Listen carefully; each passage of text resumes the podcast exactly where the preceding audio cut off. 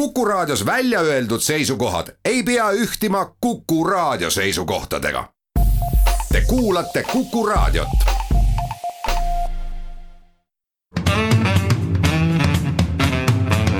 muuli ja Riikoja tere päevast, head kuulajad, kell on kohe kaheksa minutit üle üheteistkümne ja et on reedene päev, siis loomulikult ka saate Muuli ja Riikoja aeg. ehk Kalle Muuli, Indrek Riikoja on stuudios kohta sisse võtnud. tere päevast. alustame tänast saadet taas kord äh, koroonaviiruse teemadega, räägime eriolukorra lõpust, piirangute leevendamisest, teisest lainest ja kõigega selle, kõigest sellega seonduvast. Äh, teiseks äh, teemaks võtame Ringhäälingu nõukogu, kuhu valiti siis esiotsa kultuurikomisjoni poolt, aga küllap siis ka riigikogu täiskogu poolt varsti. Äh, kolm äh, uut liiget, kes on siis need niinimetatud spetsialistid või erialainimesed, lisaks siis poliitikutele, kes sinna nõukogusse seaduse järgi kuuluvad. räägime ka väikses, väikesest tormist veeklaasis, mis siis sellel nädalal kerkis üles Rail Balticu saatuse ümber, sel kuna osad ministrid justkui väitsid, et nemad sõdivad selle eest, et Rail Balticut ei tuleks.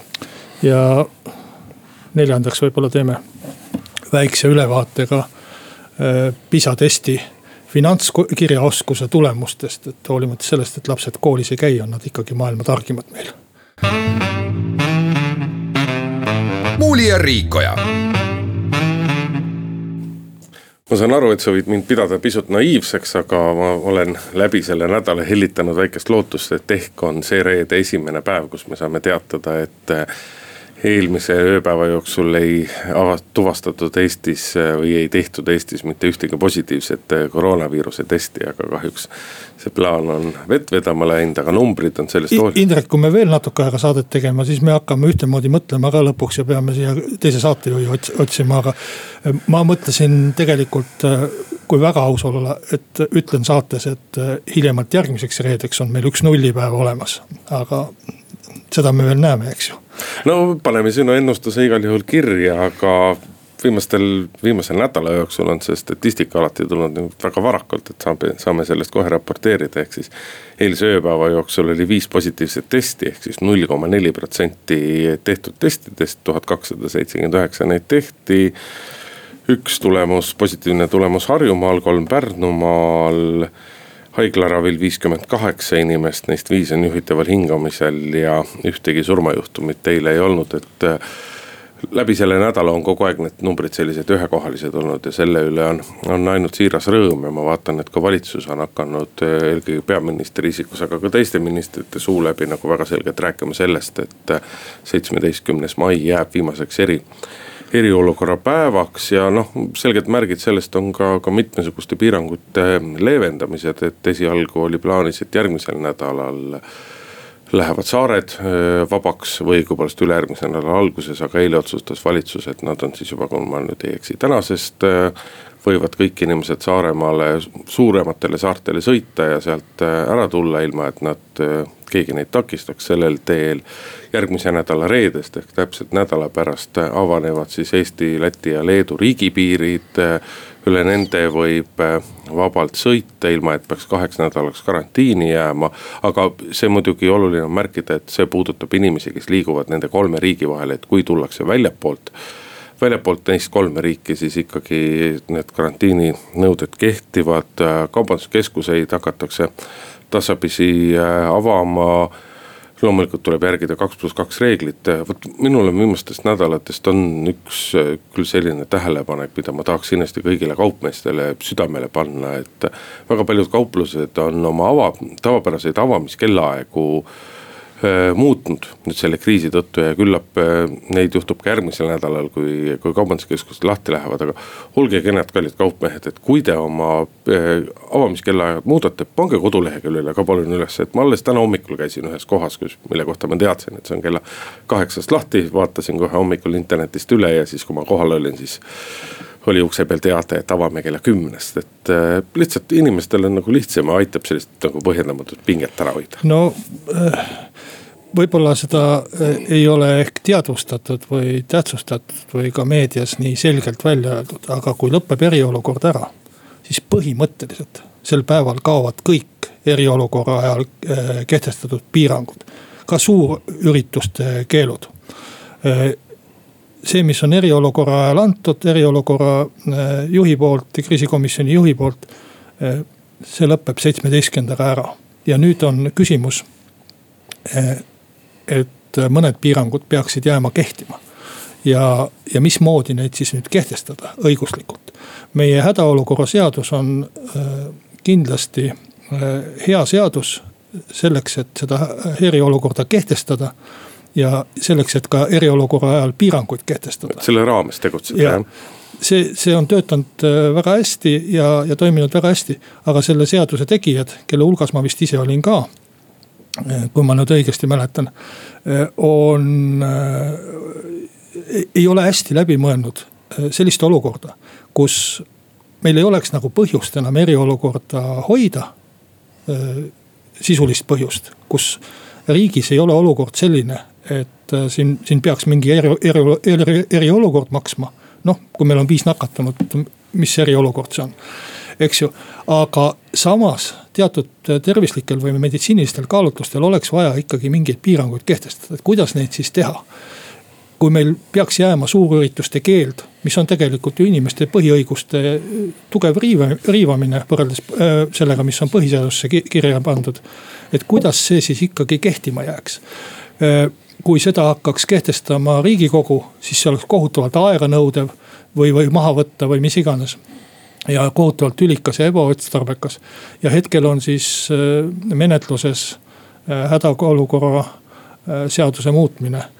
ja, ja teatud õiguste andmine siis terviseametile ja valitsusele noh, väga paljud kahtlevad, et kas terviseametile peaks väga suuri volitusi andma ilma eriolukorrata kehtestada teatud piiranguid, näiteks keelata ära mis tahes äh, suuremad rahvakogunemised üle viiesaja inimese eeloleval suvel et selle üle käib praegust suur vaidlus ja. ma segan korra vahele, et äh, nendes selle suurürituste numbrilisest piirmäärast ei ole kunagi tahetud rääkida, et sina võimudele lähedal oleva isikuna, et kui sa selle viissada välja käisid praegu, et kas see viissada on siis selline ikkagi töönumber? ütlen ausalt, et tegelikult ei olegi seda kokku lepitud, et ei ole seda niisuguse detailsusega arend-, arutatud, et mitusada inimest peaks see olema.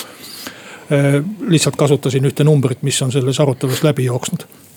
aga, aga meil võib tekkida hetk, kus seitsmeteistkümnendal lõpevad kõik piirangud ära ja uut äh, hädaolukorra seaduse muutmise äh, äh, seadust ei ole veel jõutud kas vastu võtta või presidendi poolt välja kuulutada.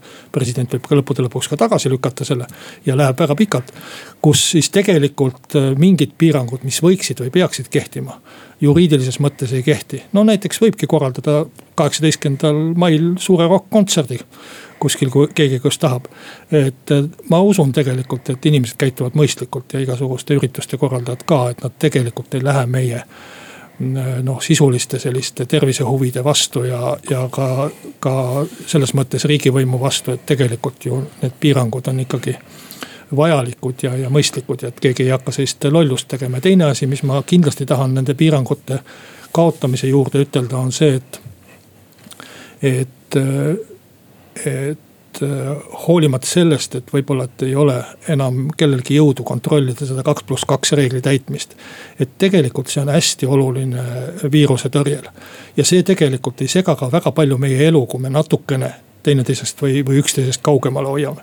et praegu see, mis toimub kuskil aianduspoodides ja et see see ei ole päris nagu äh, adekvaatne pilt, et noh, ei pea kramplikult just mõõtma seda kahte meetrit, aga, aga me võiksime veel käituda mõnda aega äh, ettevaatlikult ja mõistuse kohaselt, et tahaks ütelda siinkohal, olgem rootslased, et, et käitugem mõistlikult ka ilma siis, kui valitsus käsku ei anna. no ma ei tea, kas rootslased on muidugi hea mõte praegusel ajal olla, kui vaadata, kui suur on seal haigestumise numbrid ja kui suur on seal suremuse number. aga mis neid piiranguid puudutab, siis noh, mitte me ei võiks, vaid, vaid me peaksime olema mõistlikud ja samamoodi peaksid ürituste korraldajad olema mõistlikud, sellepärast et. et kahtlemata on vaja nii-öelda selget ja korralikku, korralikku regulatsiooni ka nii-öelda eru, eriolukorra eriolukorra järgseks ajaks.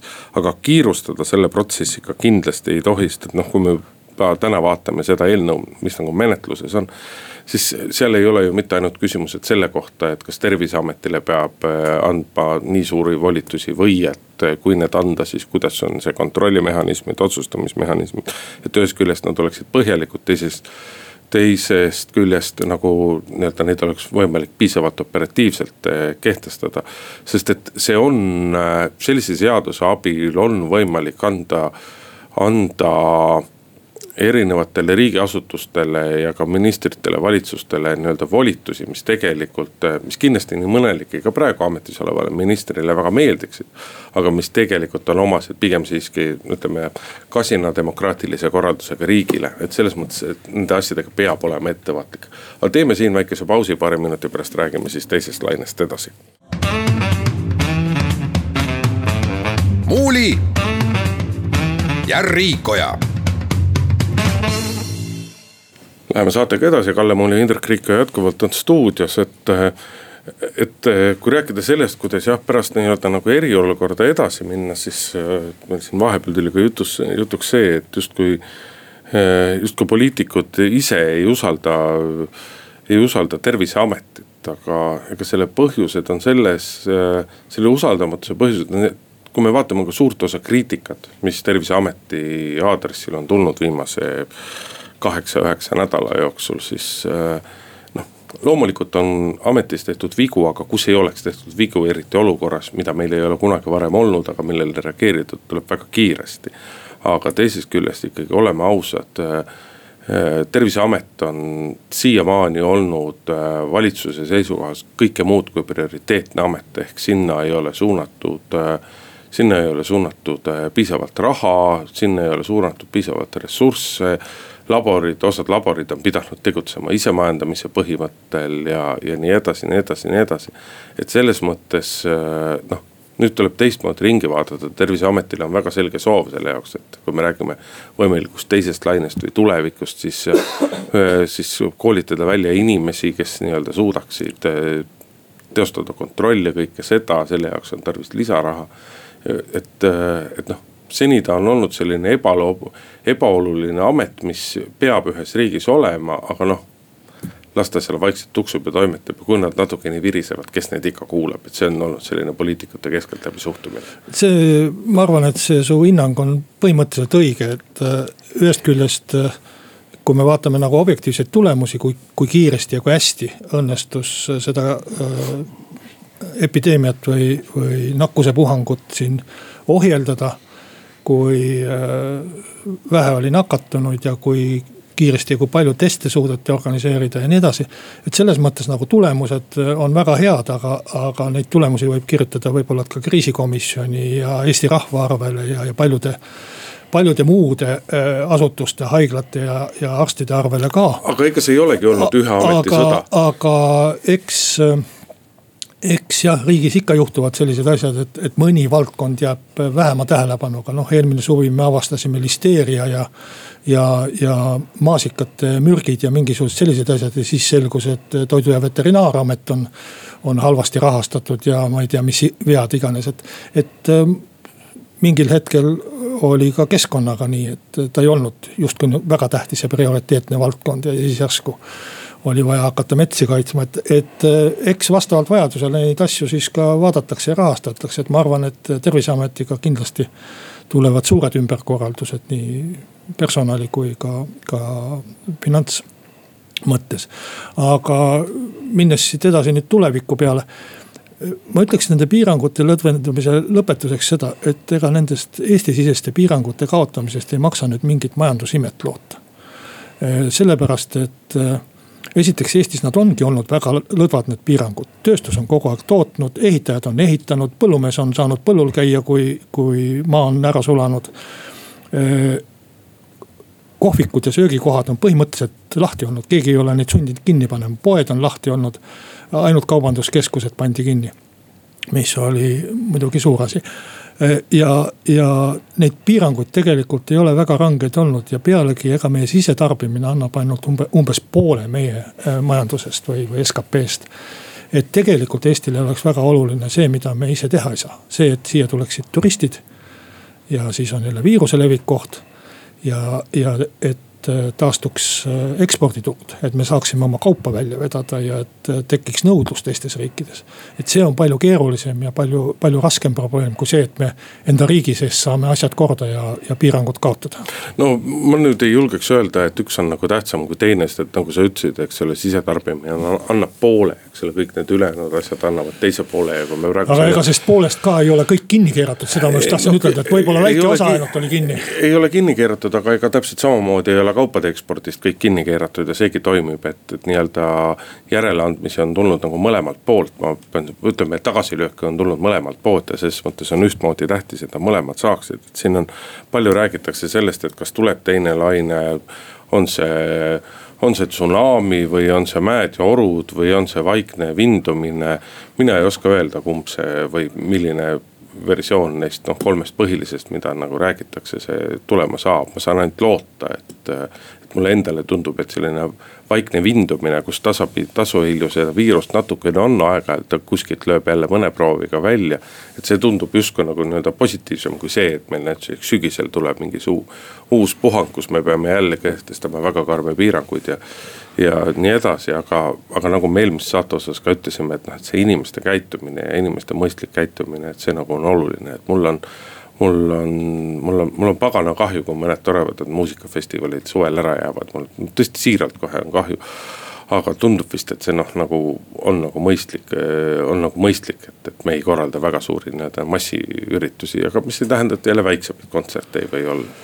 noh, ma arvan seda, et meie selline tuleviku ennustamisvõime on, on äärmiselt väike. et kui me ei näinud esimest lainet ette, siis ma arvan, et me ei näe ka teist lainet ette. ja, ja eriti pessimistlikult suhtun ma nendesse prognoosidesse, mis räägivad, kuidas meil kuuekümne aasta pärast pensionite ja, ja, ja elanike arvuga lood on et see.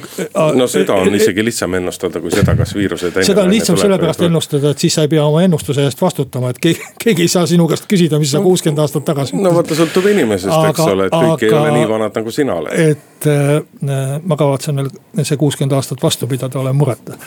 Et kui koroonakriisi elasin üle, siis kõik muu ka, aga. aga räägime selle pooltunni lõppu hästi kiirelt, Saaremaa on olnud nende sündmuste nii-öelda nagu lõputult epitsentrist, sealt sai suurem viirusepuhang alguse eile siis saabus teade, et Kuressaare haigla peaarst, kui ma nüüd ei eksi, Edward Laane, tema vastu on eh, veerandsada töötajat nii-öelda umbusaldusavalduse esitanud, et jube keeruline on hinnata, kas Edward Laane siis saab hakkama või ei saa hakkama aga kui rääkida inimestega, siis äh, ka arstidega, Saaremaa kohalike inimestega, siis mulle nagu tundub, et seal see konks võib olla selles, et noh, üks asi on loomulikult kriisiaeg, kõigi inimeste närvid on pingul ja siis inimesed reageerivad võib-olla nii, nagu nad tavaolukorras, olukorras ei reageeri. aga nii mõnigi ütleb selle kohta muidugi ka seda, et et eh, nii-öelda mingisuguse valdkonna väga heade spetsialistidega kipub olema, et ega nad kõik ongi heas mõttes natukene hullud, et nad suudavad oma seda noh, arstitööd suurepäraselt teha. aga see ei tähenda alati, et neil on kõige paremad eeldused juhiks olemiseks ja noh, seal Kuressaarest just ongi see, et noh, et, et nüüd on arstid, kes umbusaldavad, varem on probleeme, terviseametil on etteheited olnud, haigekassa ei ole rahul olnud, et neid rahulolematus tuleb nii, nagu nii mitmest küljest. no äh, aga kus see tõde peidus on, seda muidugi ei tea. kakskümmend neli arsti teevad avaliku äh, kirja, siis see on nendest suur julgus ja ma arvan, et neil peab olema suur probleem seda teha. aga äh, äh, noh samas ma arvan, et me ei peaks hakkama kõrvalt äh, sellesse süvenema no,. ise, isegi, isegi teades seda, et erakordselt palju oli haiglates või haiglas arstide nakatumisi, mis oli väga imelik. aga kuulame ära pooltunni uudised, oleme siis eetris tagasi. muuli ja Riikoja tere tulemast tagasi, head kuulajad, läheme saatega edasi, Kalle Muuli, Indrek Riik on stuudios ja nii-öelda järjekorras oleks, Kalle, sina pidanud seda teemat äh, alustama, aga vana Ringhäälingu nõukogu liikmena suunasid sa, osutasid näpuga söövalt minule, ehk siis räägime sellest, kuidas, äh, kuidas on äh, eile riigikogu kultuurikomisjon kinnitas kolm uut Ringhäälingu nõukogu liiget oluline on silmas pidada, et Ringhäälingu lii-, nõukogu ehk siis, kes siis peaks Rahvusringhäälingu tööd kureerima ja juhtima nõukogu koosneb äh, nii-öelda iga riigikogu fraktsiooni ühest esindajast ja neljast äh, meediaeksperdist, nii nagu seadus ütleb. ja neist kolm siis sai äh, eelmisel nädalal äh, uued valitud Priit Hõbemägi, Kuku raadio enda saatejuht, Ekspressi ajakirjanik ja väga pika ajakirjandusjuhtimise kogemusega inimene lisaks Viktor Trasberg, kes on väga kauaaegne, väga kauaaegne majandusõppejõud erinevates kõrgkoolides. ja siis, no vot, näed nüüd. Peeter Espak. Peeter Espak, nimi kiilus, kiilus kinni Ühiskonnauuringute Instituudi teadur. no üldiselt on see ikkagi piinlik üldiselt on see nagu selles mõttes nagu sügavalt piinlik, et hääletamisprotsess oli väga lihtne. koalitsioonierakonnad leppisid kokku, et igaüks saab ühe inimese nii-öelda omalt poolt nimetada ringhäälingu nõukogusse. igaüks selle ettepaneku tegi, Keskerakonna poolt Stras-, Trasberg, Isamaa, Sinu Koduerakonna poolt Priit Hõbemägi Peeter Espak EKRE poolt ja täpselt niimoodi see läkski, et kultuurikomisjonis iga mees sai kuus häält ja asi oli otsustatud. Ja see, et nendel inimestel võiks olla mingisugune ekspertiisi taust, et nad võiksid nii-öelda nagu meediavaldkonda lähemalt ja põhjalikumalt tunda, see unustati nagu täiesti ära. Indrek, ma võin sulle ütelda, et iga kord on nii tehtud, täpselt nii ma olen. vaata, kui sa siiamaani vaatad, siis seal ikkagi valdavalt on olnud inimesed, noh, võtame, võtame. oodata äh,, äh, sa, sa räägid kahest asjast läbisegi, üks on see valimise viis. Ma ütlesin selle kohta, et iga kord on nii tehtud, et iga koalitsioonierakond saab siis võimaluse enda mingisugust kandidaati nii-öelda nimetada või toetada. ja see on loomulik, et keda sa toetad siis, ega sa siis mingisuguse teise erakonna kandidaati järsku ei hakka toetama, kui sul endal on eelistus olemas. et see valimiskord on, ma olen ise kultuurikomisjonis olnud ja ise olen ka neid äh, nii-öelda eksperte valinud, mitte küll neid nüüd. aga, aga mingeid eelmisi ja, ja põhimõtteliselt äh, vähemalt äh, siis, kui mina seal olin ja, ja minu teada ka varematel kordadel on täpselt samamoodi kõik koalitsioonierakonnad teinud. et, äh, et selles viisis ei ole iseenesest midagi. seda küll, aga vaata need inimesed on ikkagi valdavalt. see, mis mis tegelikult ärritab inimesi äh,. Ei ole isegi mitte Peeter Espaki kompetents või pädevus. sest neid spetsialiste on seal ka erineva pädevusega olnud, erinevalt alalt ja nii edasi. ja kindlasti Peeter Espak on ju haritud inimene, keegi ei saa ütelda, et ta on noh, ma ei tea tema, tema teadustööde ja kõikide juures, et ta need ei ole meediavaldkonnast. absoluutselt, ma ei valda tema, vaidle tema harituse see, mis tema puhul häirib neid inimesi, on see, et ta on EKRE-le lähedastega vaadetega. ta oli. ei, absoluutselt et, mitte, mind ei häiri. ta on konservatiivsete vaadetega, ta on neid vaateid avaldanud ja või, võib-olla sind mitte, aga mulle tundub, et see, see üldist äh, sellist pahameelt tekitabki see, et nüüd, nüüd valiti mingisugune EKRE mees sinna. ei no tead, aga vaata, me ei saa ka sellest üldisest pala- ja pahameelest lähtuda, me peaksime lähtuma ikkagi sisulisest. ja, aga sisuliselt on Rahvusringhäälingu nõukogus tänasel hetkel olukord, kus kui riigikogus kinnitatakse need kolm liiget ära, siis tegelikult sellest kümnest inimesest me võime tõsiseltvõetavaks meediaeksperdiks nimetada ainult Priit Hõbemäge. sellepärast, et neljas ekspert on Rein Veidemann, kes on küll jah töötanud väga nii-öelda väga pikalt erinevates äh, meediaettevõtetes, aga, aga kellel sisuliselt nii-öelda nagu suure meediaettevõtte või meediaorganisatsiooni juhtimiskogemust ei ole ja, ja noh, kes on, kes on ka nend-, kõigis nendes meediaettevõtetes, ta on ikkagi väga selges spetsiifikaga inimene olnud, väga selge spetsiifikaga kirjutaja olnud. aga Rahvusringhäälingu nõukogu, Rahvusringhääling, kes peaks olema nii-öelda justkui riigis vaba ja sõltumatu ajakirjanduse lipulaev, alati tasakaalustatud ja nii edasi, nii edasi, nii edasi. selle jaoks on määratud oma kontrollorgan, mis on see Rahvusringhäälingu nõukogu. seal ei ole inimesi, kes tegelikult nii-öelda tunneksid seda valdkonda, mida nad justkui peavad juhtima, kureerima.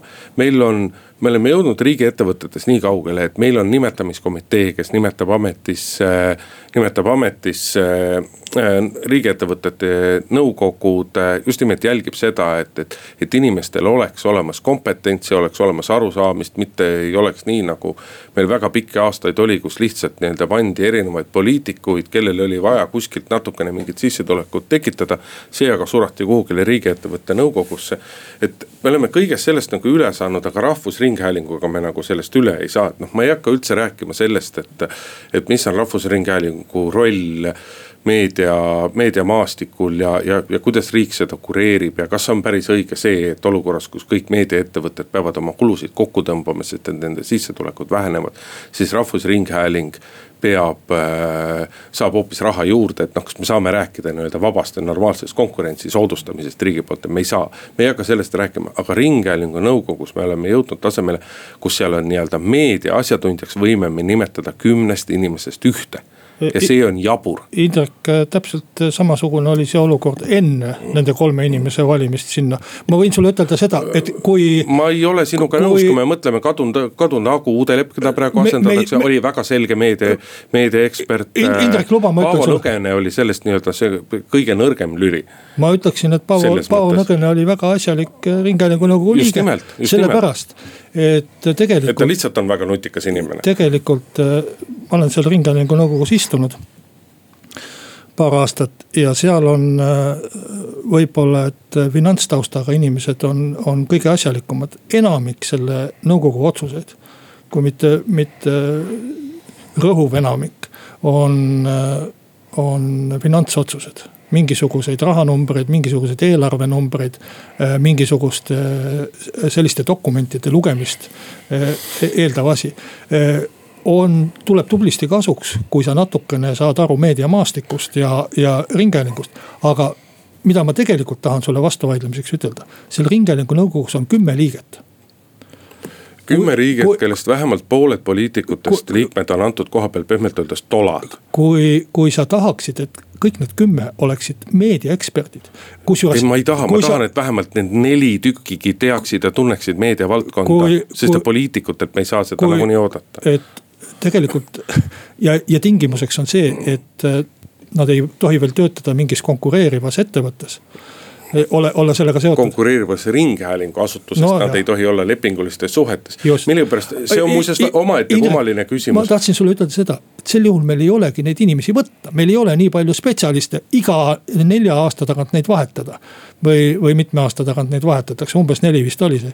et, et selles on probleem, et seal on kogu aeg nende spetsialistide kohtade peal on olnud tegelikult äh, ka aeg-ajalt mõni rahandusinimene, mis on minu meelest väga asjakohane.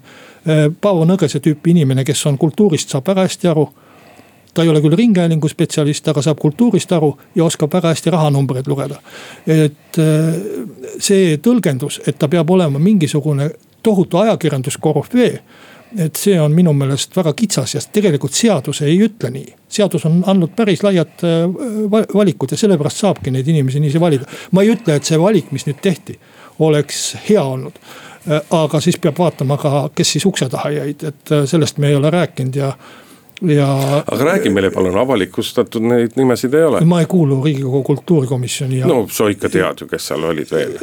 ma tean ainult nii palju, kes fraktsioonis arutelul läbi käisid ja tänu sellele tean. aga ma ei saa seda äh, kindlasti avalikustada, kuna need on isegi vist seaduse järgi kinniseks kuulutatud, aga aga et, et siis me peaksime jah teadma, et ukse taha jäid mingid maru head äh, valikud, aga võib-olla, et äh, polnudki paremaid kandidaate, et seda ei oska ütelda. aga mina seda ei paneks Äh, selle ringhäälingu nõukogu nii-öelda eksperdist liikmele pahaks. et tal on mingi maailmavaade, et ta on kas liberaal või konservatiiv või mis iganes. seda ei ole seatud talle tingimuseks. ei, absoluutselt, mina ka ei pane seda pahaks, et ega, ega Priit Hõbemägi oli nii-öelda Isamaaliidu poolne kandidaat ja ega me iga laupäev te võite siit samast no, raadiost. on siis väga halb kandidaat. Te võite iga päev laupäevast raadiost kuulata, eks ole, millised on tema vaated ja ma ei heida seda talle ette. kust sa paremat kandidaati üldse võtad? noh, ütleme, ega Priit Hõbemäel ei olegi paremat ega peale kandidaati. sinu ei olegi rohkemat, eks ju. no ma paari inimest tean ikka veel. Äh, aga jah, ega neid palju ei ole, selles mõttes on sul muidugi õigus. aga, aga, aga ikkagi summa summarum ma tahan jõuda selleni, et kui meil on kümme liiget kuus nendest on poliitikud, kelle poolt me ei saa loota nii-öelda ekspertiisi ja, ja neli tükki peaksid olema eksperdid, siis nad ikkagi peaksid olema valdavalt inimesed, kes kes on nii-öelda nagu meediavaldkonnas kodus ja noh, ega need nõuded on ka, et keelatud on, et see inimene ei tohi olla seotud ringhääling. ringhäälingutega ehk raadio või televisiooniorganisatsioonist ei saa ta tulla, aga millegipärast, aga miks näiteks Delfi või Postimees selles mõttes sobib. et eh, ERR-ist väga suur osa on ju online ja, ja seal konkureerivad väga selgelt eh, nii Postimees kui Delfi äh, Ekspress Grupp ühelt poolt, siis nii-öelda Postimees Grupp teiselt poolt, et, et, et miks need järsku ei ole konkurendid. aga see valik summa summarum on halb ja, ja see on Rahvusringhäälingu seisukohast igal juhul halb, et nende nõukogust võib tõesti nii-öelda meediaeksperdiks pidada ainult ühte inimest. no pigem siis peaks vaatama võib-olla seadust, et, et et kuidas see nõukogu üldse moodustatakse, kes sinna on pandud ja, ja kuidas need on määratletud, aga ma võin sulle. kultuurikomisjonil ja valitsusel ei keela mitte keegi aga... mõelda selle peale ise, seni, siiamaani on suudetud selle peale mõelda ka selle sead-, olemasoleva seadusandliku raamistiku raames. ja sinna on leitud ikkagi nii-öelda nagu meediaeksperdid, seekord seda ilmselgelt ei tahetud teha. muuli ja Riikoja jätkame saadet, Indrek mulle siin küll on reklaaminud seda teemat, mida me kohe arutama hakkame Rail Balticuna, aga minu meelest on juttu ikka rohkem Mart ja Martin Helme vastavatest avaldustest kui raudteest endast, et ma ütlesin, et segadus, mis on kerkinud Rail Balticu ümber. ja, ja siis ma tahaks kohe teha avalduse, et nüüd ma räägin jälle asjast, mitte, millest ma mitte midagi ei tea. vähemalt otseallikast mitte, sellepärast et ma ei ole tõesti kätt südamele pannes ja ma ei taha sellega ei uhkustada ega hoobelda, aga ma arvan, et viisakas on siiski seda välja ütelda. et ma ei ole ühtegi Martin, Martin Helme saadet sealt Tere raadiost juhtunud kuula, kuulama. ja kui mul ei oleks head vana sõbra, sõpra Toomas Matsonit, kes refereerib peaaegu vist kõiki neid saateid Facebookis, siis, siis ma ei teakski sellest teemast mitte midagi. ega sa ei teaks jah, mitte nagu, midagi. jah, nagu me ja siin vahepeal vaatasime. mu elus ei oleks ka mitte midagi, mitte midagi kaduma läinud äh, sellest, nii et. jah, nagu me siin vahepeal vaatasime ka viimasest äh, raadiokuulatavuse uuringust, mis mul siin kätte äh, arvutis olemas on, aga mille numbreid ma vist avalikult ei tohi niimoodi öelda, aga noh, ütleme niimoodi, et selle otse saate, otsesaate kuulatavus on, on väga-väga-väga kasin. noh, selle eest kõik teised inimesed, kes seda saad-, need, see, need kasinad inimesed, kes seda saadet kuulavad. võimendavad seda väga hästi. nii et äh, selles mõttes on jälle see levik suur ja, ja uudis, mida me ei ole siis välja ütelnud või millest me räägime, on see, et. ma ei mäletagi, kumb neist, isa või poeg on siis või mõlemad siis on teinud avalduse, et äh, nad seisavad hirmsasti Rail Balticu ehitamise vastu ja nad on suutnud vist isegi seisma panna. Äh, selle ja, ja nii edasi et selliste asjade puhul äh, mina ütlen küll niiviisi, et kui jutt käib majandusotsustest ja kui tegemist ei ole ainuotsustajaga. siis äh, vähemalt oma ajakirjanikupõlvest äh, mäletan mina, et ma alati vaatasin, mis otsuseid reaalselt on tehtud ja kuhu läheb raha. see on nagu majandusotsuste puhul kõige rohkem. me võime rääkida ja kõik poliitikud võivad rääkida suure suuga õpetajate palkadest kuidas nad tahavad tõsta ja kuidas nad ikka väga armastavad õpetajat ja kui haridus on ikka väga tähtis. aga peab vaatama, mis seal eelarvereal on ja kui seal eelarvereal ei toimu mingit muutust siis see on kõik üks soe õhk ja täpselt samuti on nende Helmede Mart, äh, Martini ja Mardi äh, Rail Balticu avaldustega. Rail Balticu otsustes ei ole mitte mingit muutust toimunud, rahaeraldustes ei ole mitte mingit muutust toimunud. nii et äh, selles mõttes selle, puhas, puhas soe õhk. selle, selle juhtumil on üks probleem ja selle probleem on see, et, et Eesti Vabariigi kaks ministrit äh, on valmis kõhklematult valetama sellepärast, et kui nemad väidavad äh, kuskil, et nad on Rail Balticu äh, Äh, rajamise seisma pannud, aga tegelikkus on see, et mitte midagi ei ole muutunud, nad ei nõua koalitsioonilepingu avamist selleks, et see seisma panna, nad on ise kinnitanud oma allkirjaga, et selle projektiga minnakse edasi. veel enam, neis, nad on, nad on allkirjastanud kümneid erinevaid dokumente selle kohta, et Rail Balticuga minnakse edasi, et planeeritakse, rajatakse, ehitatakse, korraldatakse hankeid. siis sellises olukorras väita, et nad on midagi seisma pannud, see on, et see on, see on sulaselge vale ja selle asja häda on selles, et äh, meie ministrid on valmis kõhklematult valetama. mõtlemata selle peale, mida nad, äh, mis signaali nad oma valetamisega annavad siseriiklikult ja mis signaali annavad nad rahvusvaheliselt, sest et tegemist on rahvusvahelise projektiga.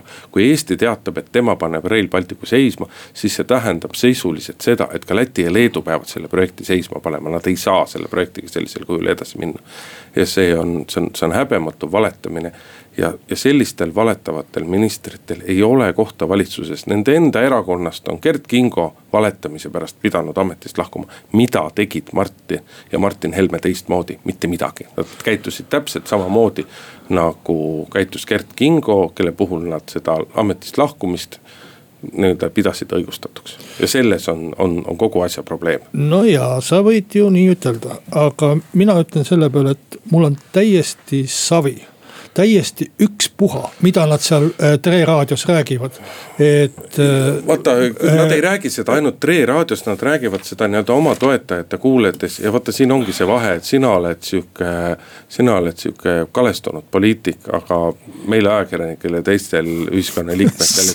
suutsid jälle ära ütelda. on ka südametunnistust alles ja, ja, ja see ongi see vahe lihtsalt. Äh, et sellepärast, et mul on ka suva, mis nad räägivad seal Tre raadios, aga see, et ministrid valetavad silma pilgutamata mina, ja ei vaevu isegi vabandama. mina, mina vaatan halb. näiteks ka seda, et kes, kus kohas midagi ütleb, et kui näiteks äh, ministrid Taavi Aas ja, ja Raul Siem äh, saadavad äh, minister Jaak Aabile ametliku kirja, et riigi kinnisvara AS-iga on tõsised probleemid ja et see ei ole hea asutus ja et seda tuleks kuidagi reorganiseerida siis see on väga tõsine avaldus, loen ma samas, kui nad räägiksid Tre raadios, et teate, see riigi kinnisvara, et see, ah, me paneme selle üldse kinni.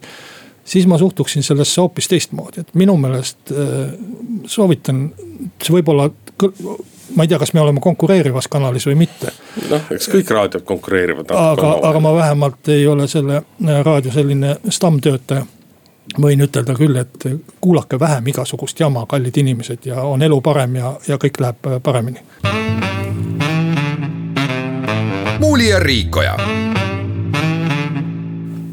meil on hästi kiiresti võimalus rääkida veel ka hariduspoliitikast, millele sa juba otsapidi kaks vihjasid. minutit jääb meie saatest haridusele, mitte no, sekunditki rohkem. no ei, mõned sekundid siiski peale ja et sa ära sega vahele, siis ei aeg ei kulu järjekordsed PISA testide tulemused on välja tulnud ja tuleb välja, et Eestil, et Eesti koolinoortel on noh, ütleme siis lihtsustatult, et rahaasjadest on nagu väga hea arusaamine.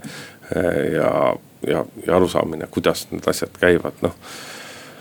Soome ja Kanada on siis järgmised selles finantskirjaoskuse kontrollimise edetabelis ja, ja võrreldes siis aastaga kaks tuhat kaksteist, kui viimati seda testi tehti, on Eesti tõusnud kolmandalt kohalt äh, esimeheks, esimeseks, et ega seda nagu ei oskagi äh, seletada. kui on midagi hästi, siis ma tahaksin ütelda midagi halvasti. tahaksin ütelda seda, et tegemist on siiski viieteistaastastega ja põhikooliga. et me peaksime mõõtma ka keskkooli ja ülikooli. ja siis ma kardan, et natukene on tulemused teised, et me peaksime oma hariduse rõhku viima ka natukene sinna ülespoole, otsa poole ja proovima seal sama häid tulemusi saavutada, et siis oleks äh, tõesti vahva. aga põhikooli osas on meil, on, on hästi ja, ja noh, põhikool on põhikool on põhiline, sellepärast et seda haridust omandavad äh, kõige suurem hulk lapsi. kohustuslikus korras tuleb see läbi käia ja sealt saab nii-öelda alguse, nii-öelda põhitõed saad sa, saad sa sealt selgeks, aga, aga vot samas ega me ei saa ka välistada seda, et võib-olla on ka nii-öelda keskkoolis ja ülikoolis kõik väga hästi. tegelikult me... Äh, mõnes teises asjas on seda mõõdetud ja seal ongi nii, et keskkoolis on halvemini ja ülikoolis on veel halvemini. et läheb äh, vana, vananedes kehvemaks. noh, eks ikka vananedes läheb meel tantsimaks, aga meie tõmbame siinkohal tänase saate otsad kokku. Kalle Muuli, Indrek Riikoja olid stuudios, nädala aja pärast kuuleme jälle ja loodame, et saame siis äh, esimesest nullipäevast ka selleks ajaks teatada, aga ilusat reedet ja päikeselist nädalavahetust kõigile kuulajatele oli ja Riikoja